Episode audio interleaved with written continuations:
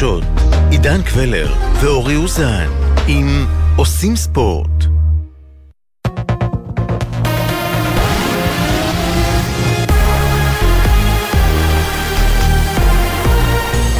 גלי צה"ל, השעה שתיים. שלום רב, באולפן אהוד גרף עם מה שקורה עכשיו.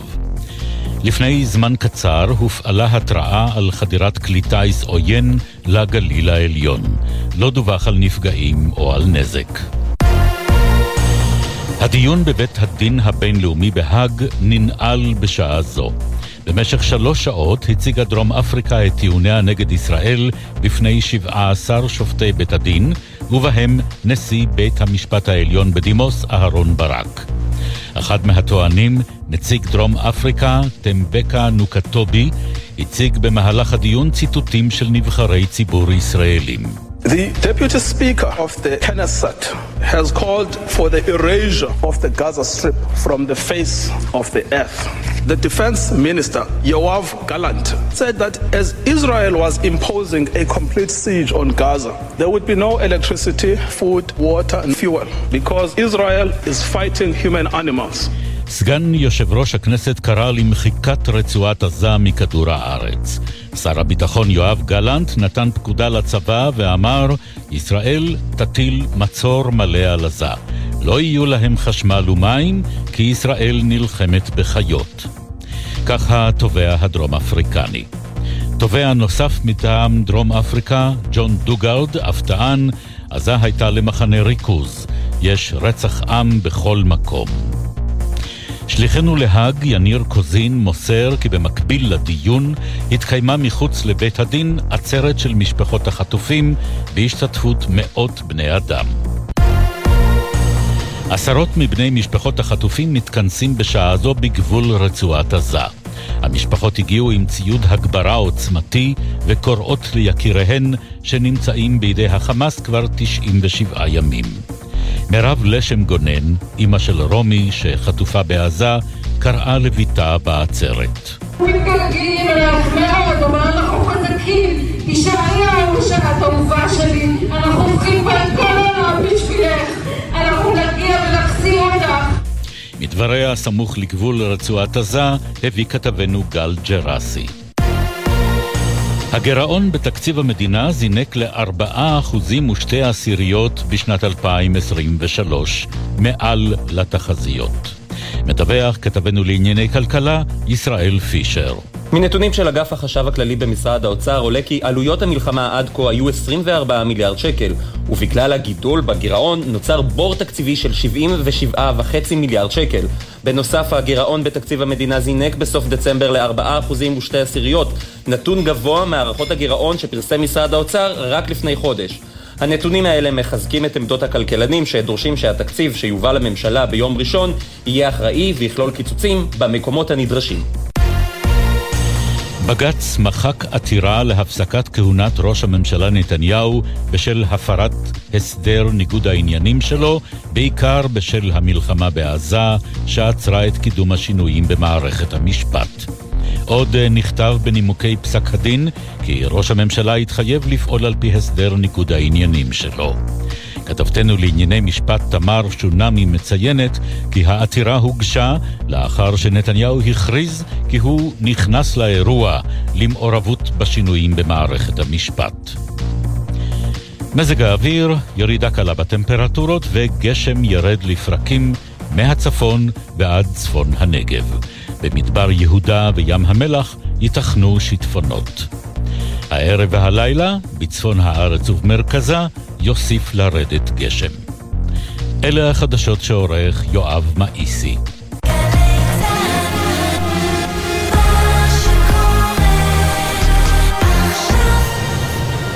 בחסות ארקיע, המציעה מבצע קחו אוויר. טיסות הלוך ושוב למגוון יעדים ב-199 דולר לאדם. פרטים והזמנות באתר ארקיע, כפוף לתקנון. בחסות הפניקס סמארט, המעניקה שלושה חודשים מתנה וגם שלושה חודשים דחייה בתשלום הביטוח המקיף לרכיב. כוכבית 5432, כפוף לתקנון, הפניקס חברה לפיתוח בע"מ.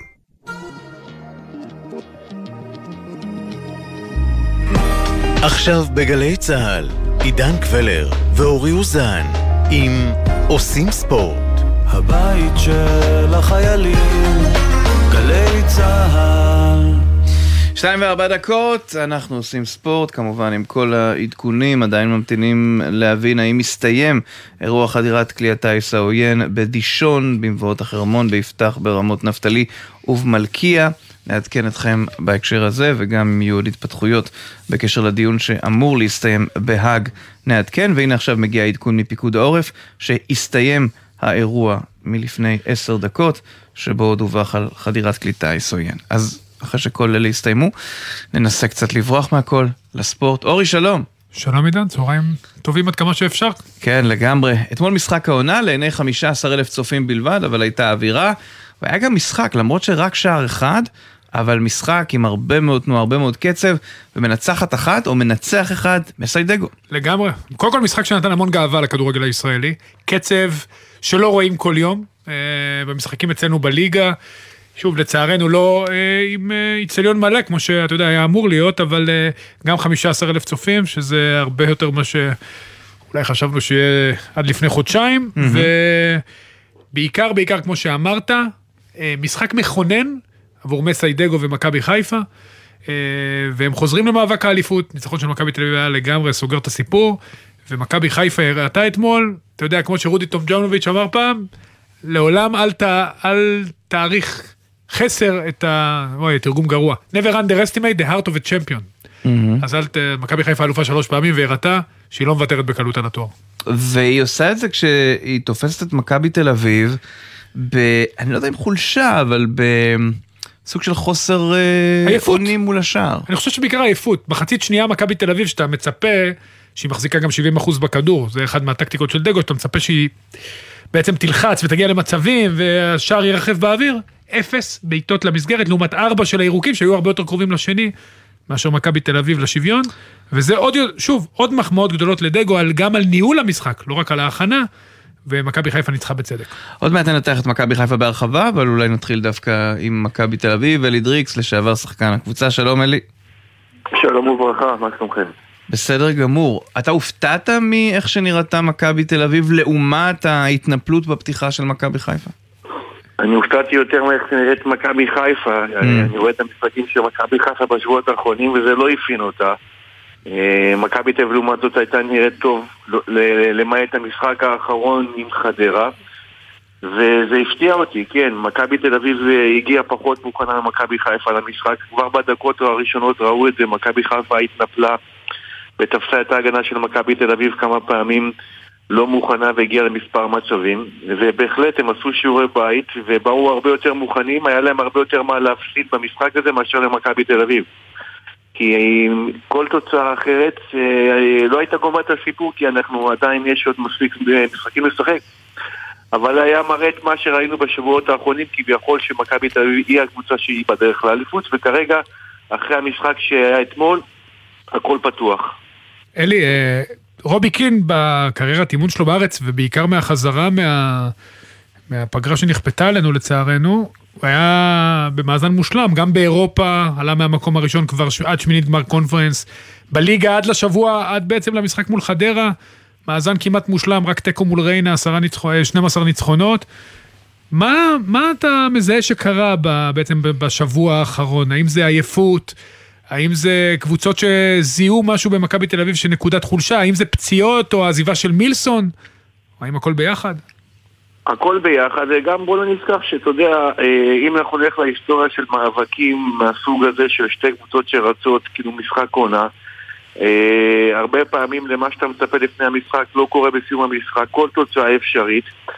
ומכבי תל אביב באיזשהו שלב, לאור מה שציינת, הריצה הזאת מתחילת העונה היא מידע במשחק עם מול ריינה או, או חדרה, מושלמת בקונפרנס ליג, באיזשהו שלב צריכה, צריכה לבוא ירידת מתח, אתה לא יכול להחזיק קבוצה בשיא כל הזמן, וזה בא להם על המשחק עם מכבי חיפה, מבחינת מכבי חיפה זה היה במומנטום המושלם.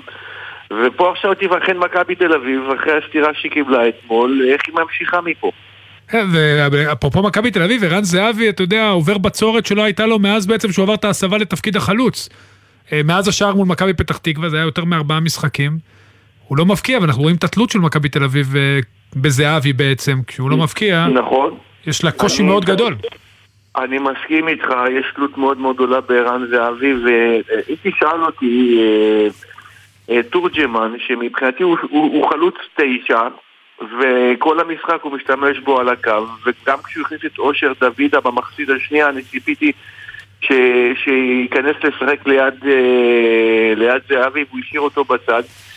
ופה אתה מפסיד פעמיים, גם חלוץ שיכול לשחק, ואני לא חושב שהעמדה שלו היא בכנף. ועוד פעם, נעלמו אתמול דור פרץ שיש לו גם מספרים, הרבה פעמים, אתה יודע, כשזהבי לא מפקיע, נכון. הוא, הוא מופיע. אחד, ודן אלי, זה היה אחד המשחקים הכי חלשים שאני זוכר שדור פרץ, אני ראיתי אותו משחק נכון, בארץ. נכון, נכון, נכון, נכון. אז אולי זה עייפות, רגע, אז זה בדיוק אני- אתה מתפרץ, אולי זה באמת עייפות, כי אתה מדבר גם על דור פרץ וגם על זהבי, שניים ששיחקו את כל המשחקים כמעט באירופה, נכון? בשני המשחקים. להיות. זהו, אז יכול להיות שעל זה. נפל רוביקין, על? העמסה במשחקים אחרים. אה, תראה, הוא ניסה במשחק האחרון לעשות שם איזה סוג של רוטציה, נכון. והוא איבד שם נקודות. אה, אבל אה, אתה יודע, לא, אני עוד פעם חוזר ואומר, כן, עייפות, מומנטום הגיעו לא מוכנים למשחק, אבל זה לא יכול, זה לא ישפיע, זאת אומרת, לדעתי, זאת אומרת, לא שלא ישפיע. זה לא צריך להפריע אם יתנהלו נכון להמשך המשחקים של מכבי תל אביב בעונה הזאת, כי אתה יודע, אם אנחנו מסתכלים על כל העונה, מכבי הייתה נראית טוב. היא הייתה טובה ו- והרבה שחקנים השתתפו במספרים, בגולים. דרך, דרך אגב, זהבי בבצורת, אבל אתמול היה לו מהלך של... אה, המספרת, נכון. שאני לא... משהו מדהים, אתה יודע, מהלך... אה, הרבה שחקנים היו הולכים עם הראש דווקא. הוא הלך עם המספרת, הגיב מהר והצלה מדהימה הייתה שמה של השוער. אה, אבל אתה יודע, מכבי תל אביב בסוג של מבחן, פעם ראשונה היא מועדת ממש השנה. אה, ועדיין, ויש את הפער של החמש נקודות. נראה איך, איך אה, קין, המבחן שלו הראשון, אתה יודע מה, לא רק כמאמן מכבי תל אביב, בכלל כמאמן. כי אין לו היסטוריה, זאת אומרת, הוא לא היה מאמן לפני מכבי תל אביב, תקן אותי אם אני טועה. נכון, ארבעה משחקים, לא לא באמת היה לו משרת אימון מלאה. אז אני חושב שזה המבחן הראשון שלו. נכון, מסכים בתור איתך. מאמן. אלי דריקס, לשעבר שחקן מכבי תל אביב, תודה רבה. תודה אלי. תודה, תודה אורי, תודה ביי. רפי אוסמו, לשעבר שחקן מכבי חיפה, מנהל הקבוצה, שלום רפי. אני אשתדל להיות, שלום וברכה, אני אשתדל להיות אובייקטיבי כמו אלי דריקס, שעשה למעשה את כל העבודה, כאילו והוא דובר מכבי חיפה. ואני מסכים עם כל המילים שלו. תשמע, אני חייב לומר לך אה, משהו, אמרתי לאורי, דיברתי על זה גם פה ברדיו אתמול בלילה. אני האזנתי לחברנו, חבריך גם, רפי, ברדיו חיפה, ודורון בן דור האגדי מאתמול בבוקר אומר, תהיה הפתעה, וכולם מתווכחים איתו, כל הפרשנים, איזה הפתעה, שרי יהיה חלוץ ליד אה, חלילי או ליד דין דוד, מה אתה רוצה? לא משנה, בסוף הוא פגע בעיקרון, הפתעה הייתה, כולנו הופתענו. רפי, גם אתה? או-אה, היה לי הופתע, נאום ארוך הופתע מדי. מהשאלה. נותק. אז אני אני יכול להמשיך. אז תגיד אז אתה, הנה, אני אז אני הייתה עד הפתעה? עד שרפי יחזור. בגלל אני זה אומרים שאלות קצרות בתקשורת, שאלות קצרות. לגבי ההפתעה, אני חושב שההפתעה הייתה אה, מהדרך שבה מכבי חיפה עלתה למשחק, אני לא בטוח שלזה בן דור התכוון, אבל הדרך, העוצמה שהתנפלה, אה, העובדה שדגו באמת עלה בהרכב, קודם כל עלה. כביכול עם קו ארבע, אבל זה בעצם בהגנה היה שלוש, שקורנו משחק גבוה, עשה מין מערך אסימטרי מאוד יפה שחנק את מכבי תל אביב, הוא באמת התכונן למשחק הזה, הוא והצוות שלו, צריך להחמיא לצוות, כי הרבה פעמים הצוות הוא זה שעוזר למאמן להכין את המעטפת. צוות שספג ביקורות לא פחות מדגו. אז הנה, בוא נמשיך עם רפי. כן, רפי, עד-. עד כמה ההפתעה הייתה גדולה אתמול? איפה אתה ראית את זה קורה? תוך כדי. אה, אני- אני אני גם הופתעתי, בסדר? אני גם הופתעתי כי אה, מכבי חיפה וגם מכבי תל אביב, אתה יודע, אפשר לומר דבר אחד, חוסר יציבות. אבל לבוא ולשחק כפי שמכבי חיפה אה, שיחקה, מזה הופתעתי, לא מהתוצאה. הופתעתי מהדרך של לבוא וללחוץ גבוה ולהמר ולעשות דברים שאתה יודע, לי, לי נראו קצת יוזמה מאוד מאוד ברוכה של דגו, שפשוט אה, שינה פה משהו ובא עם איזה מערך כזה של ללחוץ גבוה ולנסות להביך את מכבי תל אביב, וזה הצליח כנראה. כן, אתה יודע, דגו לא עלה...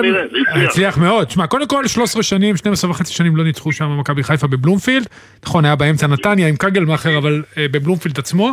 והוא עלה למשחק הזה, דגו, עוד כמו שמעצים את ההישג שלו, בלי סק, בלי סונגרן, בלי שואו זה לא, אתה יודע, אבל בלי פיירו, מלך השערים שלו.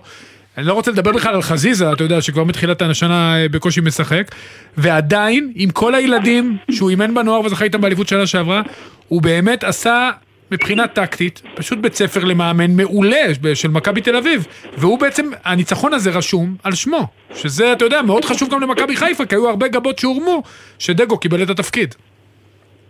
נכון, והיום אני אומר, אורי, ואתה ואני וגם עידן, מספר פעמים שוחחנו בשנים האחרונות ודיברנו כמה חשוב שקבוצות כדורגל כמו מכבי חיפה, מכבי תל אביב, בכלל בכל הכדורגל, כל הקבוצות, יהיה להם אוצר שנקרא ייצור מחלקת הנוער. כי הילדים האלה נותנים 200 אחוז בכל משחק, בטח ובטח במשחק כמו ללכת לשחק נגד מכבי תל אביב ולהביא תוצאה טובה. ולעצם, ולעצם העניין, אני חושב שבסך הכל יש פה משהו במכבי חיפה שכנראה הסגל שלה הוא כן סגל רחב, הוא כן סגל שיכול לרוץ עד הסוף ולהתמודד על האליפות ואני מאמין שאולי אם המומנטום הזה יימשך ומכבי תל אביב שוב תימד, הולכת להיות פה ליגה אז... מטורפת עם שתי קבוצות שבהחלט יעשו פה מרתון ממש מעניין תראה, אני, חושב שמה ש... אמ, קודם כל, אגב, אפרופו העימות של זהבי עם האוהדים, צריך לומר שגם באובדן הנקודות של מכבי חיפה, אה, גם מול הפועל פתח תקווה וגם במשחק הנוסף באותו שבוע, הרי שהקהל, לא הבחנתי חלילה בקריאות בוז או עימותים, כי הקהל אה, מה שחסר לו אחרי שלוש אליפויות זה לאו דווקא עוד אליפות, אלא להיראות טוב. ומכבי חיפה לא נראתה טוב עד אתמול, בעיקר ב-15 דקות הראשונות. השאלה שלי, רפי, איך כל זה הופך עכשיו מול מכבי פתח תקווה או מול סכנין וממשיך את הקו? הרי נדמה שדגו עלה פה על משהו, לא? איזשהו חבר שלי אמר לי היום, תגיד לי, אי אפשר, את השאלה שאנחנו מכירים, מה, אי אפשר לשחק ככה כל הזמן? אז אמרתי לו, לא, אי אפשר לשחק. מפני כשאתה הולך לשחק עם מכבי תל אביב, אז האנדרלנים, אתה רוצ... יש משהו שמעבר, התחרות הזאת שנקראת מכבי חיפה, מכבי תל אביב, והמבחן הגדול, אני מסכים איתך, הוא עכשיו לבוא ולשחק נגד מכבי פתח תקווה, הוא לבוא ולשחק נגד סכנין, בלי לפגוע בקבוצות האלה, כן? ובכל זאת, לבוא ולהציג את אותה רמה, עם אותה שאפתנות, עם אותו רצון, וזה מבחן גדול למכבי חיפה, והיה ואם היא תעבור את המשוכה הזאת, וואלה, אני אומר, שוב, הקבוצות האלה ירוצו עד הסוף, הולך להיות פה מעניין. אני שוב חוזר איתך למסי דגו, אתה חושב שאתמול הוא אה, הרוויח קרדיט משמעותי אצל האוהדים אפילו עד סוף העונה? כי הרבה גובות מן הסתם הורמו שהוא מונה, עלה מהנוער, ללא רקורד, נכנס לנעליים מאוד מאוד, אולי הכי גדולות שאפשר. אה, לטעמי עד עכשיו הוא עושה עבודה גדולה, אבל אה, אתה יודע, אצל האוהדים זה עדיין לא ייתקל. האם אתמול באמת... הוא בעצם הרוויח את הרספקט שלהם? אני חושב שהוא הרוויח את הרספקט שלו והוא הרוויח את המינוי הזה מזה שהוא עבד במחלקת הנוער ויאנקלה שחר, תאמין לי, לא טועה. בסדר? לא טועה. הוא יכול לטעות עם שחקן שמביאים כך או אחרת וזה, זה דברים שקורים. אבל כשהוא היה מתחת לעין, מתחת לרדאר של ינקלה, ויאנקלה הבין ש, שיש פה מאמן, שאפשר לתת לו את המפתחות, אז כנראה שזה, הנה, זה עובד, וזה בסדר. ולהזכירכם, אתה יודע, גם ינקלה פה באמצע השבוע הגיע לאימון מכבי חיפה, הבין שצריך קצת להרים את החבר'ה, שבוע שעבר, עוד לפני המשחק הקודם, להרים את החבר'ה, והנה, בפעמיים האלה זה עובד וזה בסדר. ואני אומר עוד פעם, דגו ראוי להיות מאמן מכבי חיפה. אגב, כשאתה מסתכל על ה... קודם כל, אני... אי אפשר לשפוט, הם בקושי נחתו, אבל אה, קינדה ו... לא, קינדה היה לו דקות קשות, כן. כן, קני סייף לא, לא, לא איתנו. כן, אה, אבל... קני בביתה ו... אבל לגבי גם קינדה וגם קני סייף, להגנתם, קינדה לא שחק מה זה 27 לנובמבר. כן, צריך זמן, צריך זמן. בעצם סיים עונה, הוא בקושי התאמן, וגם קני סייף, אבל אני חושב שהמחשבה איתם, רפי, הייתה לטווח ארוך יותר, לא כמובן לטווח המיידי. אין ספק, אותו מהלך. אני, שוב פעם, שחקנים מן הסוג הזה, ישראלים, שראויים לחזור ולשחק פה בכדורגל, כי לא כולם, אני חוזר ואומר, לא כולם, ואני מדגיש, לא כולם, כל מי שחוזר מאירופה, ראוי לשחק. שאלו אותי בתחילת שנה לגבי רפאלוב, אמרתי החתמה מצוינת, ואז קפצו ושאלו אותי שוב, אבל אתה נגד העניין הזה? אמרתי לא, רפאלוב הוא משהו אחר. הוא בא לפה לא להעביר עונה אחרונה ויאללה להעביר משהו ולקחת עוד כמה ג'ובות ולהחזיר את המשפחה בארץ כי כך או אחרת בחו"ל. הוא בא לפה לתת, להנהיג ואנחנו רואים את זה בחודש האחרון, רפאלוב פשוט מחזיק את הקבוצה וזה מצוין. לדעתי קינדה כאלה זה החתמות טובות וזה בדיוק כמו שאתה אומר אורי, זה, זה החתמות שיהיו להמשך העונה וכמובן לשנים הבאות. אתמול ראינו דרך אגב, ואני גם מרחיב את זה גם למכבי תל אביב, את שתי הקבוצות אה, הטובות בישראל בוודאי, אבל היא בעיקר בזכות מחלקות הנוער שלהם. תראה כמה שחקני בית היו אתמול, על כל קו שמאל של מכבי תל אביב או קו ימין של אה, מכבי חיפה, ארבעה ילדים מהמונדיאליטו ומהיורו, שלא לדבר על שריף כיוף 2002 בשער, אה, בצד השני כמובן יש לנו גם את דור פרץ ועוד שחקנים רבים, אה, עידו שחר שבמשחקים האחרונים מקבל דקות אתמול פחות, אבל איזה יופי זה לאוהדים, וגם לשחקני עבר, רפי, שאתם רואים את הילדים שאתה יודע, גדלו בקצף שם, או במכבי תל אביב וקריית שלום, משחקים במעמדים האלה, זה, אתה יודע, זה דברים שאני חושב שלאוהדים לא פחות חשובים, אה, ניצחונות חשובים, אבל הם לא פחות חשובים שהילדים שלהם יעשו את זה. יש מה שנקרא, ואתה מכיר את זה אורי, כי באת, גם אתה גדלת במחלקת נוער ועלית לבוגרים, יש מה שנקרא, ובדיוק אתה פוגע בזה, הזדהות של הקהל עם אותם כאלה שמשחקים במחלקות הנוער ועולים לבוגרים. הם מקבלים יותר קרדיט מהקהל, הם מחזירים בחזרה, הם פחות סופגים את הבור הזה שאנחנו מכירים כשבא שחקן רכש ולא מתפקד משחק שניים והקהל לא אוהב את זה. אצל שחקני מחלקת נוער שעולים לבוגרים יש את הרצון לתת, אבל מצד שני גם הקהל נותן להם קרדיט ארוך וזה חשוב והנה, וגם המאמן כנראה, דגו יודע למה הוא נותן להם משחק אחרי משחק, הוא נותן לצעירים ומשלב כל פעם שחקן חדש ממחלקת הנוער, בהחלט זה דבר שראוי ודבר טוב מאוד לקבוצה בוגרת. ומכבי חיפה צריכה חלוץ עכשיו. אה, קודם כל לגבי מכבי חיפה לא, פיירו יחזור, זה לא עניין, אני, אני רוצה להגיד משהו גם על הנבחרות הצעירות, על בוני גינצבורג ידידנו, אופיר חיים, כל מה שעושים שם בהתאחדות, הפירות מתחילים לקטוף אותם גם בליגה, עולם הכדורגל השתנה, השתנה, ותראה איזה גאווה, תאר לך איזה גאווה זאת לבוני גינצבורג, ולאופיר חיים, ולכל מנהלי מחלקות הנוער במכבי חיפה ומכבי תל אביב, שהם רואים את הילדים האלה הבמה הגדולה, והם הכי טובים, וזה פשוט גאווה גדולה, וגם לאוהדים כמובן, כמו שרפי תיאר, אין גאווה גדולה מזאת משחקני בית. אין ספק, כי אותם שחקנים שבסופו של דבר גם מייצגים אותם בנבחרת, ואני חושב שההצלחה הראשונית, כמובן שהייתה לילדים האלה הצלחה במחלקת הנוער, בכל אחת מן הקבוצות שהם משחקים, אבל אני רוצה להגיד שההצלחה בנבחרת נתנה ביטחון עצמי מאוד מאוד טוב, ואנחנו רואים את התוצאות היום שהחבר'ה האלה מההישג הגדול שהיה בנבחרות הצעירות, הם הביאו את זה למכבי חיפה, את הווינריות, את הדברים שהם ספגו גם בנבחרת, הם הביאו את זה לקבוצות שלהם, ואנחנו רואים את התוצאות, ועל זה יישר כוח, ברור, לאותם אלה שהזכרת עכשיו, המאמן, בוני, כל האחרים. כן. טוב, רפי אוסמו, תודה רבה. תודה רבה לכם, צהריים כן. טובים וחודש טוב לכולנו. לגבי שריף הוא 2001, לא 2002, אבל לא משנה. תשמע, אני, זה, זה, זה כל כך, קגלמאכר, נשמע לי משהו כל כך פרה-היסטורי, זה היה כל לפני שבע שנים. זה היה, ב... נכון. אתה צודק, בנתניה. בנתניה, תראה. בש... גלות בלומפילד. גלות בלומפילד, ועכשיו נכון. בלומפילד זה כבר איזה שלוש-ארבע שנים. כן, זה כן. הכל, הכל... המדהים הוא שמכבי חיפה ב... בשלוש האליפויות שלה, כן. של בכר, הדומיננטיות, עדיין לא הצליחה, הייתה את התחושה ב-2-2 שזה תיקו שהוא ניצחון, אבל זה לא היה ניצחון. נכון. אתמול דגו עשה משהו, ועוד משהו, רפאלוב, שכבש את שער הניצחון, הוא מבחינתו עולם כמנהגו נוהג, הוא עזב שמכבי חיפה הייתה דומיננטית גם בבלומפילד. כן. וזה חזר אחרי 13 שנה. אלירן עטר וגרי קגלמאכר. כן. שמע, 24 באוקטובר 2016. גם שבע שנים זה הרבה. כן. אז שבע שנים ניצחון נכון בבית של מכבי תל אביב, אבל למעלה מ-12 שנים בבלומפילד עצמו, גופה. טוב, אה, נעבור לאפריקה.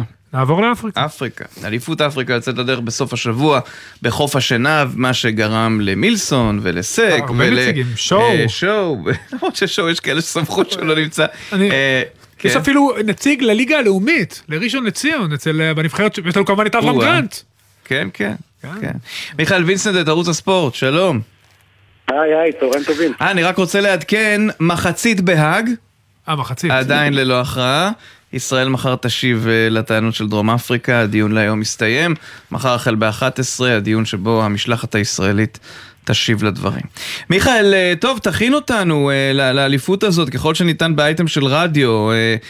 ממה נתחיל? בוא נתחיל בפיבוריטית לדעתי. הנבחרת שהגיעה לחצי גמר המונדיאל, מרוקו.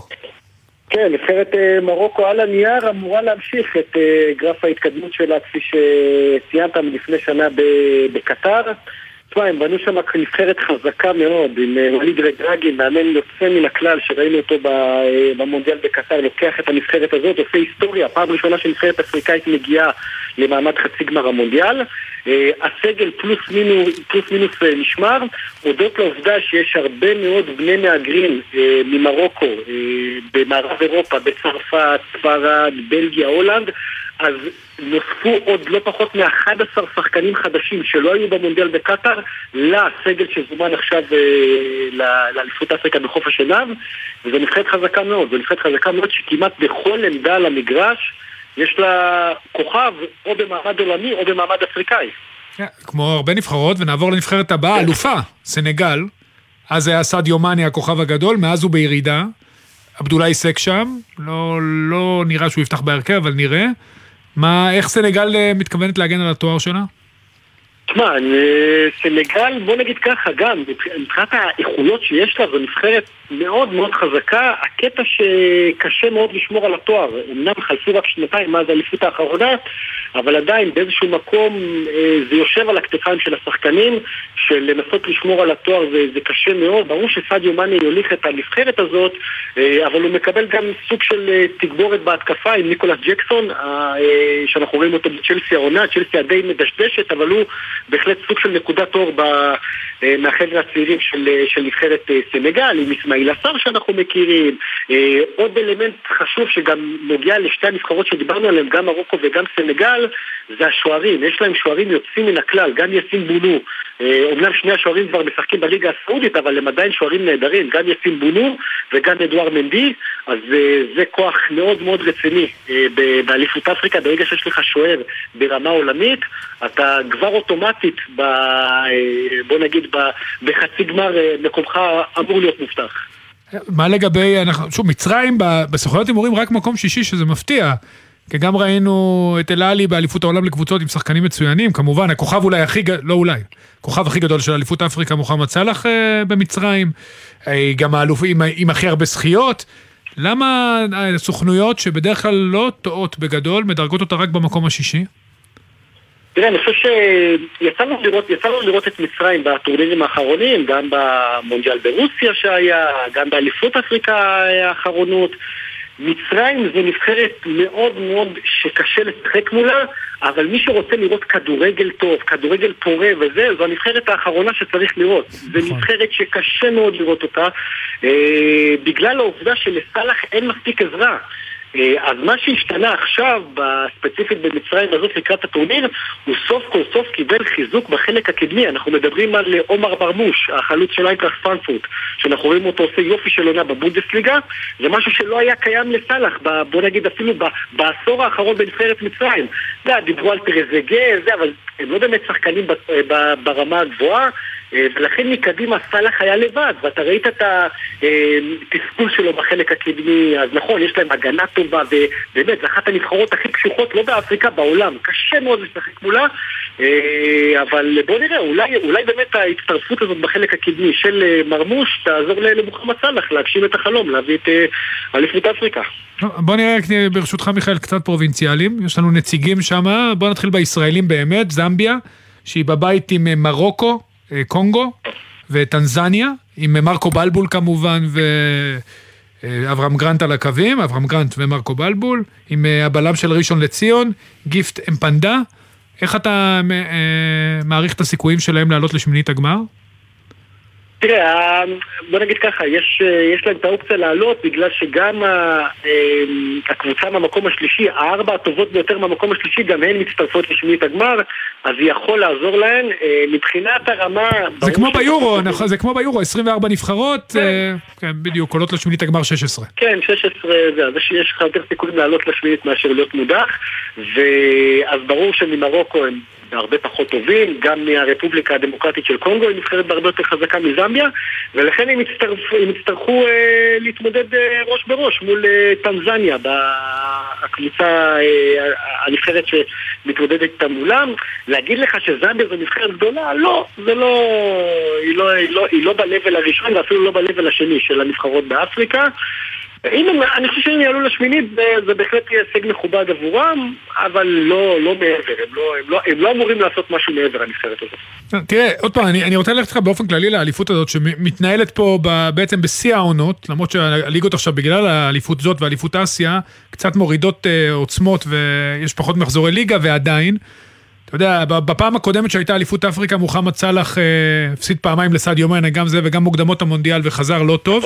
איך, איך, אה, אתה יודע, גם מבחינת השחקנים, איך, אה, איך בעצם מנווטים את זה כדי לחזור כמו שצריך, קודם כל לעשות הכי טוב בשביל המדינה שלך, ואז לחזור לקבוצות, אתה יודע, יש פה מין ניגוד אינטרסים מסוים, כחלק לא, מהקבוצות במאבקים מאוד חזקים. הזכרת, אני חושב, את המשפט החשוב ביותר, לעשות הכי טוב עבור המדינה שלך. יש פה מחויבות בלתי רגילה של השחקנים, ואנחנו רואים את זה בשנים האחרונות, בכל אליפות אפריקה מחדש, שלרוב הן מתנהלות, האליפויות מתנהלות בחורף, כי אי אפשר לשחק בקיץ אה, באפריקה בשל החום הכבד, רק כדי שנבין, בחוף השנה ועכשיו 30 מעלות, שזה יחסית בסדר, כן, לעומת אה, מה שמתנהל שם בחודשים אה, יולי-אוגוסט, אבל אין דבר כזה שכוכב אפריקאי לא מגיע לייצג את המדינה שלו, זה לא קיים הדבר הזה.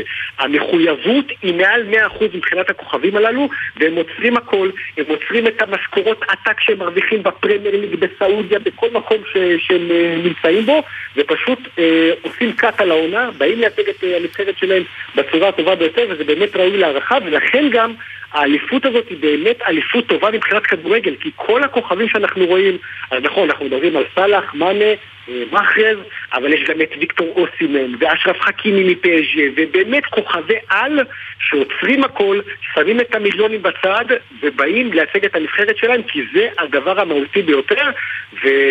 וזה באמת ראוי להערכה. אוקיי, מיכאל וינסנט, את כל השידורים בערוץ הספורט, תודה רבה. תודה מיכאל.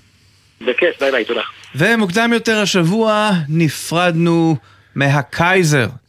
פרנץ בקנבאואר, הקיסר של נבחרת גרמניה, בתחילה גרמניה המערבית, לאחר מכן גרמניה כולה, אה, לאחר אה. איחודה. האיש ששינה את הכדורגל, מה- מה- מכל כך הרבה בחינות, אתה יודע, הוא התחיל חלוץ, עבר קשר, נהיה, המציא את תפקיד הליברו, ואחד מהארבעה שזכה במונדיאל גם כשחקן וגם כמאמן. הכתבה של יוני זילברמן. בתחילת השבוע הלך לעולמו אגדת הכדורגל פרנץ בקנבאואר בגיל 78. בקנבאואר, הסמל של ביירן מינכן עוד משנות ה-60, זכה איתם בארבע אליפויות גרמניה ועוד בשלושה גביעי אירופה. אבל דווקא התחלתו במועדון הייתה המקרית ביותר. bin dann äh, zum FC Bayern gekommen, äh, הגעתי לביירן בגלל תקרית די מצחיקה, סיפר פרנץ. שיחקנו בגמר נגד מינכן 1860, ובמהלך המחצית השנייה, אחד משחקני היריבה סתר לי, וכך העדפתי להגיע לביירן. בקנבאואר המציא מחדש את הכדורגל, בלם שיכול לנוע בחופשיות במגרש, להצטרף להתקפה ולסיים אותה עם הכדור ברשת. ליברו. ועל שליטתו בדשא גם כונה הקייזר. היה לנו משחק בווינה, ובקבלה של המלון היה פסל של קיסר אוסטרו-הונגריה פרנץ יוזף. נזכר אז בקנבאואר. אל הקבוצה באותו זמן התלווה עיתונאי שהיה גם צלם, והוא אמר לי לעמוד ליד הפסל וצילם. מאז אני הקייזר פרנץ. במדי גרמניה המערבית זכה בקנבאואר באליפות אירופה ב-1972 ובגביע העולם ב-1974. הישג עליו חזר גם כמאמן במונדיאל 1990. באותו טורניר טבע גרי ליניקר את הביטוי כדורגל הוא משחק פשוט, 22 גברים רודפים אחרי כדור במשך 90 דקות, ובסוף הגרמנים מנצחים. בקנבאואר נאלץ להסכים.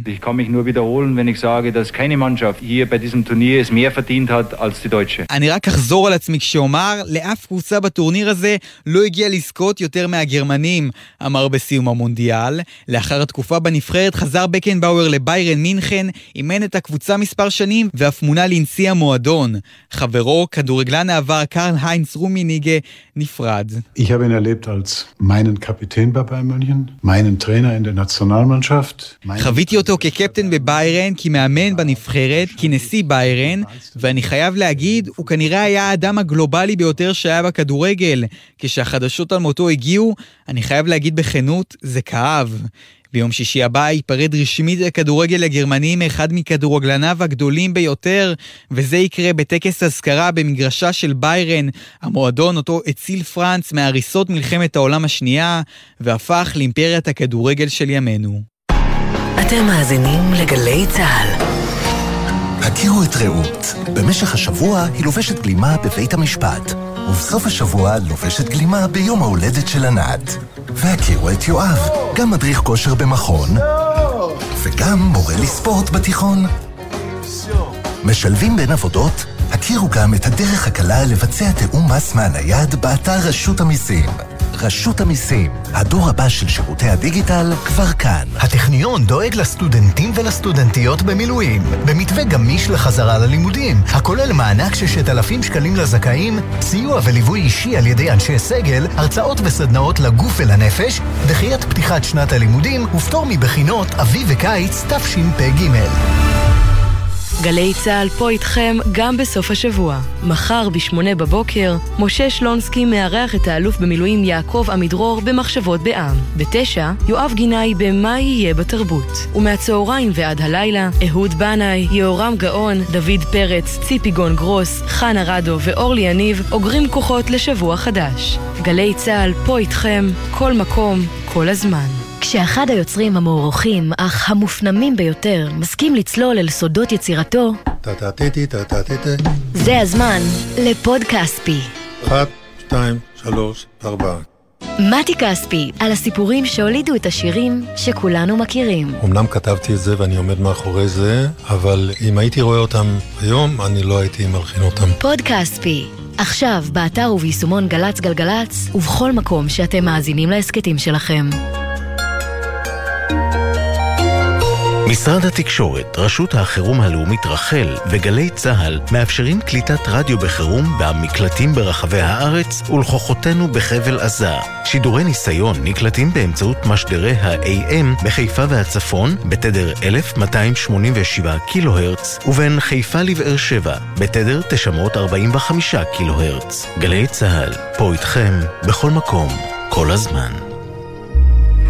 עכשיו בגלי צה"ל עידן קבלר ואורי אוזן עם עושים ספורט. הבית של החיילים, גלי צה"ל. שמענו קודם את הכתבה של יוני זילברמן על uh, פרנץ בקנבאואר, הקייזר, אבל אורי, אנחנו מתעוררים היום לעוד בשורה, בשורה קשה. סבן גורן אריקסון. הסופר סוויט של נבחרת אנגליה בגביע העולם 2002. We've got a super sweet, הם שרו לו, כן? נכון. הוא uh, בעצם בשנה האחרונה לחייו, כן, זה מה שהוא אומר? זה מה שהוא אומר, סרטן סופני, עצוב מאוד, שוב, אנחנו יודעים שם ש-70, אמצע שנות בין ה-70 ל-80 זה לא מבוגר. כן, זה כמו ה-60 החדש, רוי אוטסון, שהוא פחות או יותר בן גילו עדיין מאמן בפרמייר ליג, ועצוב, עצוב מאוד להיפרד מהאגדות כאלה, אבל אנחנו תמיד נישאר, גם עם בקנבאור, שהוא היה באמת, אתה יודע, עילוי מכל בחינה שהיא, וגם עם אריקסון מאמן, שבאמת עשה דברים מדהימים בכדורגל, גם בליגה האיטלקית, גם בנבחרות. אנחנו נישאר עם הזיכרונות ועם המשחקים ועם המורשת, ואני מאחל לו שבאמת, אה, אתה יודע, יהיה לו הכי טוב שאפשר עד שהוא אה, ייפרד מאיתנו כן. לצערנו. דברים יותר משמחים באי הבריטי. דוד קלטינס, שלום. שלום, שלום, צהריים טובים. צהריים טובים, ברכות על החתימה בסנט ג'ונסון. סנט ג'ונסון, כן. הסקוטית. כבר אה, שיחקו שם ישראלים. כן, כן. דוד הוא לא הנציג הראשון. נכון. אז ספר לנו. נכון, גיא מלמד היה פה. נכון. אה, כן, האמת שהיום התחלתי, אה, הם חזרו עכשיו רק מפגרה, אז ממש עכשיו סיימתי את האימון הראשון פה. עיר קטנה, חמודה, אווירה מאוד ביתית, וקר בחוץ, אבל אווירה חמימה כזאת. זהו, אני רק מתחיל פה, אתם יודעים. רגע, דוד, איך, אתה יודע, מה, מה עבר עליך בחצי שנה האחרונה שהיית בעצם בלי קבוצה, שזו הסיטואציה אולי הכי קשה לשחקן כדורגל? כן, זו באמת פעם ראשונה שאני בסיטואציה כזאת, והאמת שדווקא בקיץ שהשתחררתי מהפועל היו כמה אופציות מעניינות, יוון, אוסטרליה, כל מיני כאלה דברים שנפלו בנסיבות מוזרות, כן. וקיבלתי לא מעט הצעות גם מהליגה, אבל החלטתי שאם כבר לקחתי את הצעד הזה וככה השתחררתי, אז זו באמת הזדמנות טובה בשבילי, אה, שוב, בנסיבות קצת אה, אחרות, אבל לצאת לחו"ל ולנסות באיזשהו מקום להגשים את החלום הזה, כי אמרתי שאם אני אחתום עכשיו בעוד קבוצה בארץ זה כנראה, אה, אני לא, אני לא רוצה להגיד ימנע, אבל זה כנראה יקשה על יציאה לחו"ל, גם בגיל יותר מבוגר וגם עם חוזה לכמה שנים, אז באמת החלטתי שאני מעדיף להתאמן אימונים אישיים עם אודי בן שמחון, מאמן כושר של בית"ר שהוא חבר טוב ובן אדם סופר מקצוען, עשיתי המון אימונים אישיים, שמרתי על כושר וחיכיתי להזדמנות. אה, היו כמה אופציות ובחרתי בזאת, אני מאמין שעשיתי את הבחירה הנכונה ואני מקווה להוכיח את זה. תראי, דוד, קודם כל, איך, איך אתה, כשאתה מסתכל טיפה אחורה על הקריירה, אתה יודע, אתה התחלת מאוד חזק, היו לך עלי, המון עליות וירידות בקריירה. אתה היום אתה בן 28, זה גיל שאתה אמור להיות בשיא, פחות או יותר. איך אתה, אתה יודע, איך אתה מנתח את אה, כל הדברים שקרו, כאילו, בעצם מצאת את עצמך בקיץ ללא קבוצה. אה, תשמע, היה לי חוזה בהפועל תל אביב לעוד שנה, אני יכולתי באיזשהו מקום להתעקש ולהישאר שם, אבל אני... טוב עשית שלא, אני יכול להגיד אה, לך. פחות רציתי את זה. זהו, בדיוק, אתה מבין, אתה היית שחקן ואתה מכיר את הסיטואציות נכון. האלה, אז כן העדפתי לקחת איזה אתגר חדש. אה, כן, תשמע, בהפועל תל אביב זה לא כל כך התחבר. שוב, אני לא חושב שזה לאו דווקא בגלל היכולת שלי, אני חושב שבאופן כללי הקבוצה וכל ה... לא יודע, הכל שם פחות נדבק. אה, יכול להיות שלא הייתי צריך לעבור לשם מלכתחילה, אבל אתה יודע, אני לא רוצה עכשיו אה, להתחרט על דברים שקרו. דווקא בבאר שבע, כמו שאמרת, היו עליות וירידות, כאילו, נכון שבהתחלה ההתאקלמות שם הייתה לא קלה, אבל כן היו לי שם תקופות יפות, וכן היו שם רגעים ששיחקתי ושיחקתי טוב. אה, ברור שכנראה אנשים ציפו שאני אהיה במקום אחר בשלב הזה, גם אני מן הסתם. אה, אבל זו קריירה של כדורגלן, אתה יודע, יש לך תקופות יותר טובות, פחות טובות, מומנטום איתך, מומנטום אה, נגדך, מאמנים שפחות מתחברים.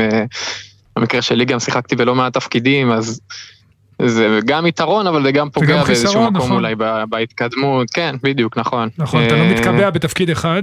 אני רוצה ללכת איתך כן, עכשיו ל- בדיוק, ל- נכון, להווה. זה- אני רוצה ללכת איתך עכשיו לאן שאתה, סנט ג'ונסון, מקום עשירי, אה, בליגה של 12 קבוצות.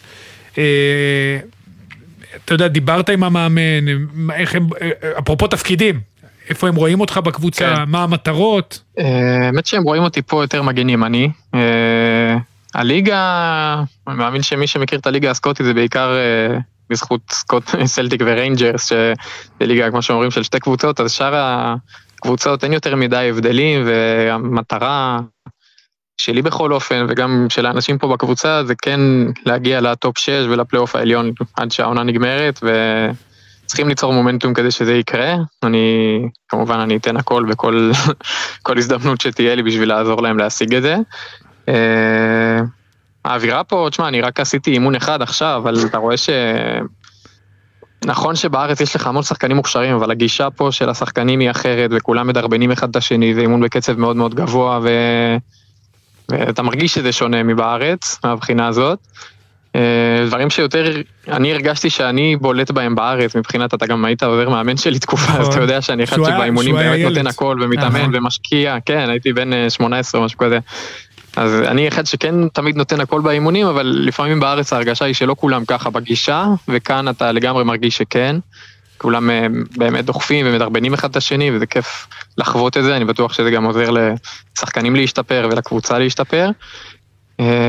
זהו. כן, אגב, אה, צריך גם לומר לישראלים שמאזינים לנו שזה לא סנט ג'ונסון, זה סנט ג'ונסטון. ככה אומרים את הקבוצה, כן. כן, ג'ונסטון, בדיוק. רגע, אה, דוד, ברמה האישית, אה, אתה יודע, ברמת, ה- לא הכדורגל אפילו, אתה עובר לשם לבד, מה, מה, אתה יודע, זה לא פשוט לא, לחיות אני עובר בחו"ל לשם לבד. עם אשתי, אוקיי. נכון.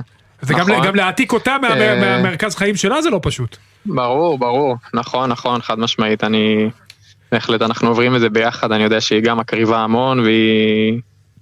באיזשהו מקום היא השלימה עם זה שהיא תעבור את זה, כי היא גם עברה איתי את החצי שנה האחרונה, והיא מבינה שזה זה החלום הכי גדול שלי, ובאמת בתקווה להישאר פה כמה שנים ב... בגולה. אה, אז היא איתי, והמשפחות שלנו איתנו, הבטיחו שיבוא לבקר גם, שיבואו לבקר, אני מקווה שזה יקרה. אה, ויש פה גם, אתה יודע, יש פה עוד שחקנים ישראלים, אני בקשר עם ליאל עבדה שמשחק בסלטיק, שזה לא רחוק, זה בערך 50 דקות מאיפה שאני גר, וסתיו נחמני גם שם באזור. אה, יופי, תכיר, אנחנו ישראלים, אתה קהילה, יודע, אנחנו נכון. מתערבבים. אני בטוח. כן, בדיוק. אני בטוח. דוד, אני רוצה לאחל לך קודם כל המון בהצלחה, אני יודע שאתה גם תצליח, זה גם, אה, אני מאמין שזה לא התחנה, אני מקווה ומאמין שזה לא התחנה האחרונה, ועוד צפויות לך הצלחות גדולות. תודה רבה. טוב, נשמע נחמד, עיירה, תודה, תודה סקוטית רבה. חביבה. דוד קלטינס, תודה. תודה רבה, תודה, יום טוב. ביי ביי. יום טוב, אנחנו ב-2.43 עכשיו, חוזרים אל המלחמה ואל השבעה באוקטובר ואל אה, בן בנימין. שלום בן, אהלן, שלום, צהריים טובים. מה שלומך בימים אלה? אה, בסדר גמור, ברוך השם, מתחזקים. נזכיר, אה, בן, אתה דמות מוכרת בכדורגל, אנחנו זוכרים אותך גם אה, בהפועל עכו, בנוף הגליל, בכפר קאסם, ונקלעת אתה וזוגתך למסיבה בקיבוץ רעים, ואיבדתם את אה, רגליכם, חלק ניכר מן הרגל, נכון? כן, שנינו איבדנו את אה, רגל ימין, מעל הברך. בן, ספר כאילו מה... אין לי מה להוסיף, פשוט ספר מה, מה היה בעצם מהרגע שהתחילו האזעקות שם. אה, בשש וחצי התחילו הרקטות, אה, מטח של, אני חושב, 100-200 רקטות בוזות, כאילו, בכמויות שלא ראיתי בחיים שלי, כאילו, זה דבר שלא לא נתפס. כמות ענקית, ענקית, ענקית, שגשם, כל, כל, כל השמיים, כאילו, רקטות. מטורף. ולא מפסיק, לא מפסיק, מחכים חמש דקות, רואים שזה נשאר אה, באותו קצב כאילו של הכמויות, אתה יודע, זה לא, לא רואים שזה עומד להיפסק. החלטנו שאנחנו עפים משם כמה שיותר מהר, השארנו שם הרבה מאוד מהציוד שלנו אה, והחלטנו שאנחנו עולים לרכבים ונוסעים משם. אה, אני והבת זוג שלי חזרנו עם שני גבאי שהיא עבדה במסיבה, אז היא באה לבד. אה, אח שלי, חברה שלו ודוד שלי חזרו ברכב שאנחנו באנו איתו. אה, הם יצאו לפנינו משהו כמו 2-3 דקות לפנינו בגלל שהרכב שלהם היה יותר קרוב ליציאה. אה, בעצם איך שעלינו על הכביש של אה, 232, שזה כביש הדמים, כמו שנקרא, בגלל כל ההרג שהיה שם. הוא מתקשר אליי אח שלי והוא איתי על הקו, אה, שתיים שלוש דקות של שיחה, הוא שומע צרחות בטלפון, שיורים להם על האוטו. הם כבר עברו את אה, סעד לכיוון, לכיוון אשקלון, הם עשו, פנו שמאלה בסעד לכיוון אשקלון, ועל הכביש הזה פתאום התחילו לירות עליהם, הם פרססו מול המחבלים, והמשיכו כאילו, חזרו אחורה והגיעו ליד אה, האוטו שלהם והתחיל לקרטע אחרי כמה קילומטרים, מזל שהם הצליחו לברוח מהם. ונעצר ליד אה, שער הנגב או משהו כזה שם, המועצה האזורית, ליד נתיבות. ואתם, מה... הם... כן. וברגע, ואנחנו באותו רגע עברנו את, שהם אה, צעקו באוטו ואמרו לנו לא להמשיך, אז אה, אנחנו בדיוק עברנו את הלומים על הכביש. ופרססנו, ואתה יודע, לא הבנו שזה מחבלים, הבנו שיורים, כאילו, אתה יודע, במדינה שלנו אי אפשר לדעת מה קורה, כי אי אפשר לדעת אה, אם זה סתם יריות או... אז אנחנו לא שיערנו לעצמנו שיש מחבלים, ובטח שבטח לא יבואו למקום שיש שוטר בחוץ וניידת, כי אנחנו נכנסנו, השוטר מחוץ למיגונית אה, כיוון את כולם לתוך המיגונית, כאילו להיכנס למיגונית בגלל הטילים, כן. לרקטות. אה, נכנסנו למיגונית, חמש דקות אחר כך התחלנו לשמוע את הקלצ'ניקובים של המחבלים באוויר, אתה שומע טרוט טרוט וכאלה. חמש דקות אחר כך כבר אה, קרב יריות מחוץ למיגונית שלנו עם השוטר, זורקים עליו רימונים ושומעים את היריות של הנשקים. ומה התחושות ברגעים האלה? מה, מה, אתה יודע, אתה חסר אונים. כן, ולא, אבל בתוך המיגונית, אתה יודע, אנשים בלחץ, אבל uh, מנסים ל... אומרים, אומרים כאילו בינינו, אומרים זה צה"ל, זה צה"ל, הכל בסדר, כאילו אל, אל תפחדו וזה, כאילו, באנשים כאילו בפנים. אה, לא עבר שתיים, שלוש דקות, וכאילו רק יראו לנו על הכניסה למיגונית.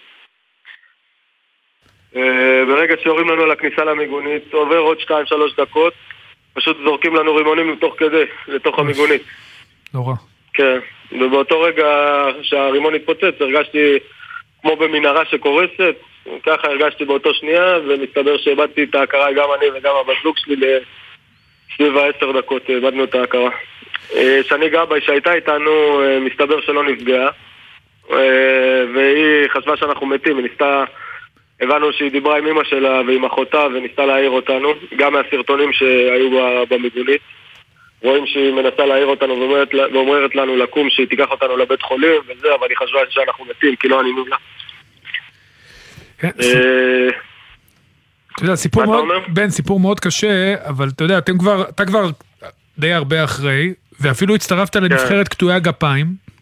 תספר לי קצת גם על הנבחרת הזאת, וגם, אתה יודע, על עצמך, כי בסוף הרגליים שלך, ובכלל, הכדורגל הוא המהות שלך, אני בטוח, אתה יודע, כל אחד שמשחק כדורגל, זה בעצם כל החיים סובבים סביב. אז איך... כן, כל... כרגע, כרגע אני הולך לאימונים, אני עוד לא, אתה יודע, מתאמן איתם אה, לגמרי וכל זה, כי אני עדיין בשיקום ואסור לי.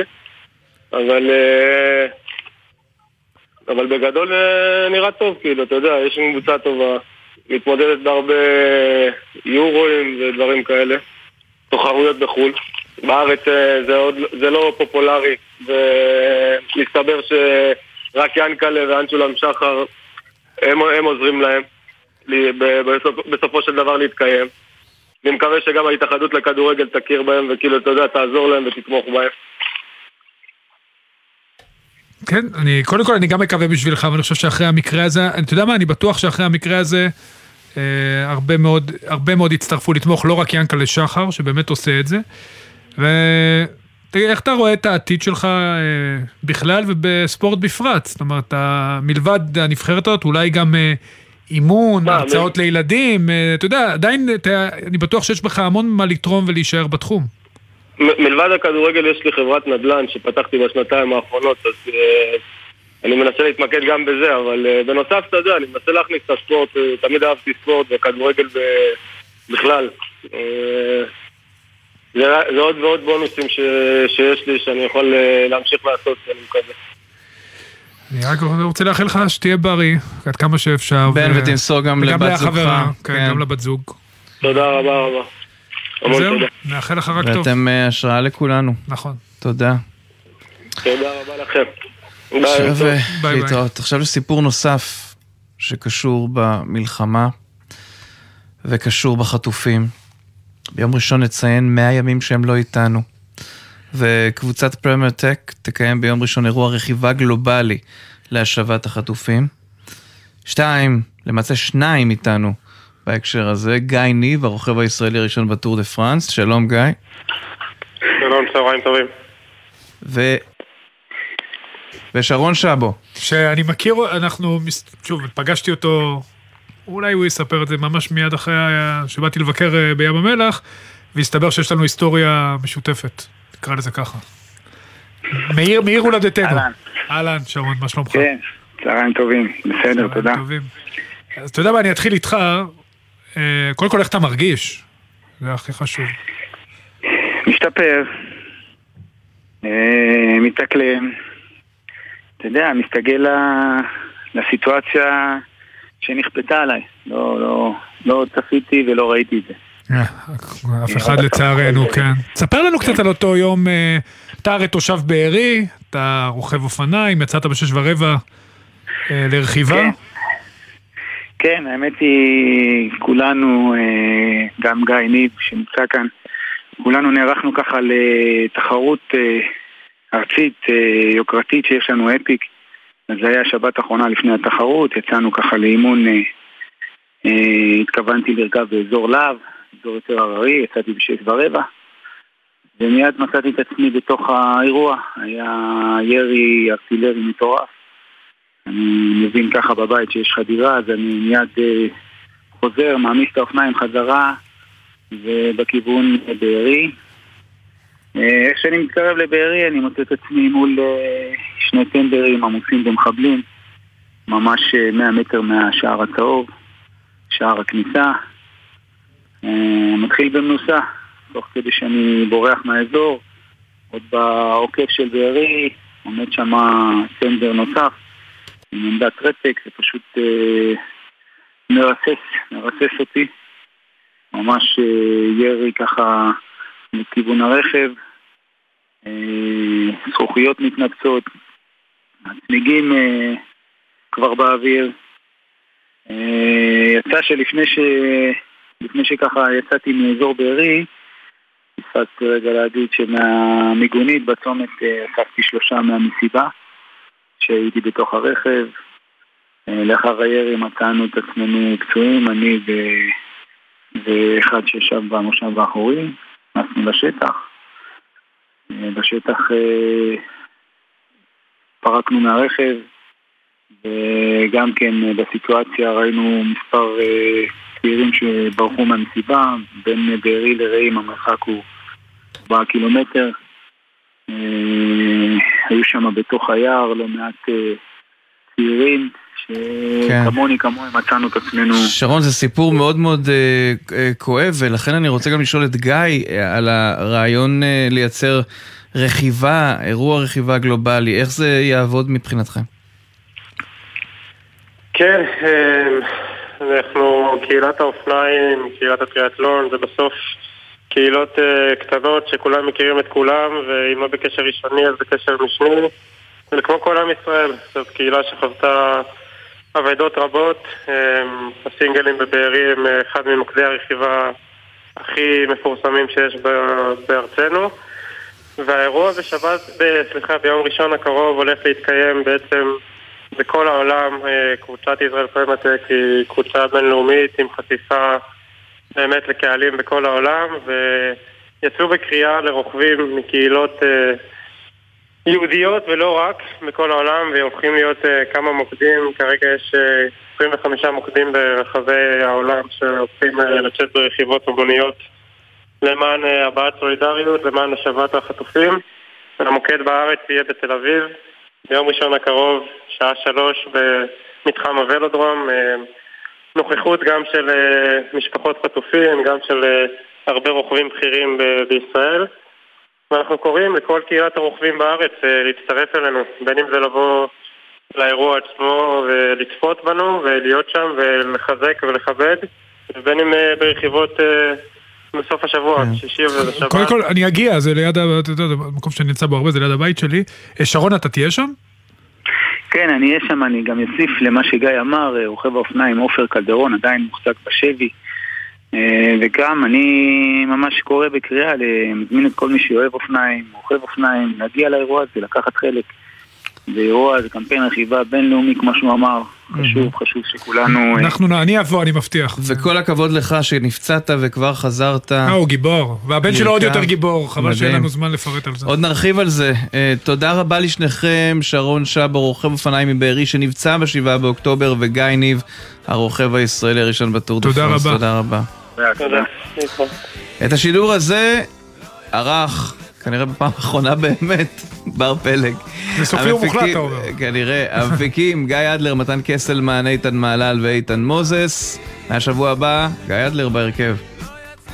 ברוך על הבא. הביצוע הטכני ליאור רונן, עורכת הדיגיטל ידר ברלין, מיד אחרינו בן וקובי פראג', עידן קבלר, אורי אוזן, להתראות. סוף שבוע שקט.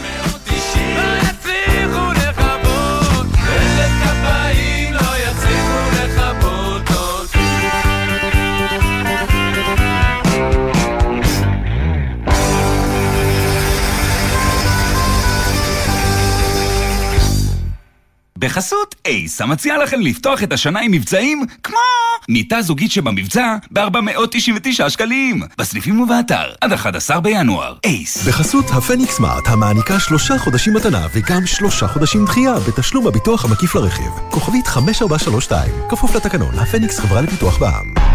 אתם מאזינים לגלי צה"ל.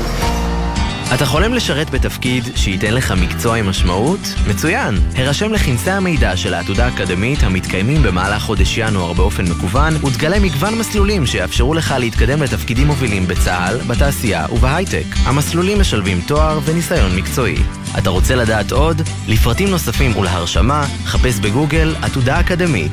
עתודה אקדמית, הנוסחה שלך להצלחה. הורים לתלמידות ותלמידים מחוננים ומצטיינים בכיתות ז' עד ט'? ילדיכם חולמים לחקור ולגלות את העתיד? עכשיו יש להם הזדמנות להשתלב בעולם המרתק של האקדמיה. ללמוד ולחקור עם מיטב החוקרים והמדענים בתוכניות למחוננים ומצטיינים של משרד החינוך ומרכז מדעני העתיד של קרן מימונידיס. ההרשמה מסתיימת ב-21 בינואר. חפשו ברשת, מרכז מדעני העתיד. חיילים, חיילות, בסדיר או במילואים. יצאתם הביתה להתרעננות? אל תשכחו שהכביש עלול להיות מסוכן. קבלו שלושה כללי ברזל. לא מתעסקים בטלפון הנייד בנהיגה. בשעת עייפות נותנים למישהו אחר לנהוג, או עוצרים במקום בטוח להתרענן. עוצרים בשולי הכביש רק במצב חירום שאינו מאפשר המשך נסיעה. זכרו, מחכים לכם בבית. סעו בזהירות, הרלב"ד בשיתוף צה"ל. הימים הללו ימים קשים לכולנו. חשוב שתדעו, אתם לא לבד. הלילה בחצות, הפסיכולוגית הקלינית ציפי גון גרוס מזמינה אתכם לשיחות משותפות אל תוך הלילה. מרגישים צורך לדבר? תוכלו ליצור קשר במספר 03-681-3344. אתם לא לבד. הלילה בחצות, גלי צה"ל. את המנגינה של העברית אי אפשר להפסיק. אבשלום קור חזר בפינותיו המלוות את המלחמה באופן מילולי. כל בוקר לפני שש, ואחר הצהריים לפני חמש, בימים ראשון עד רביעי, וביום חמישי לפני ארבע אחרי הצהריים.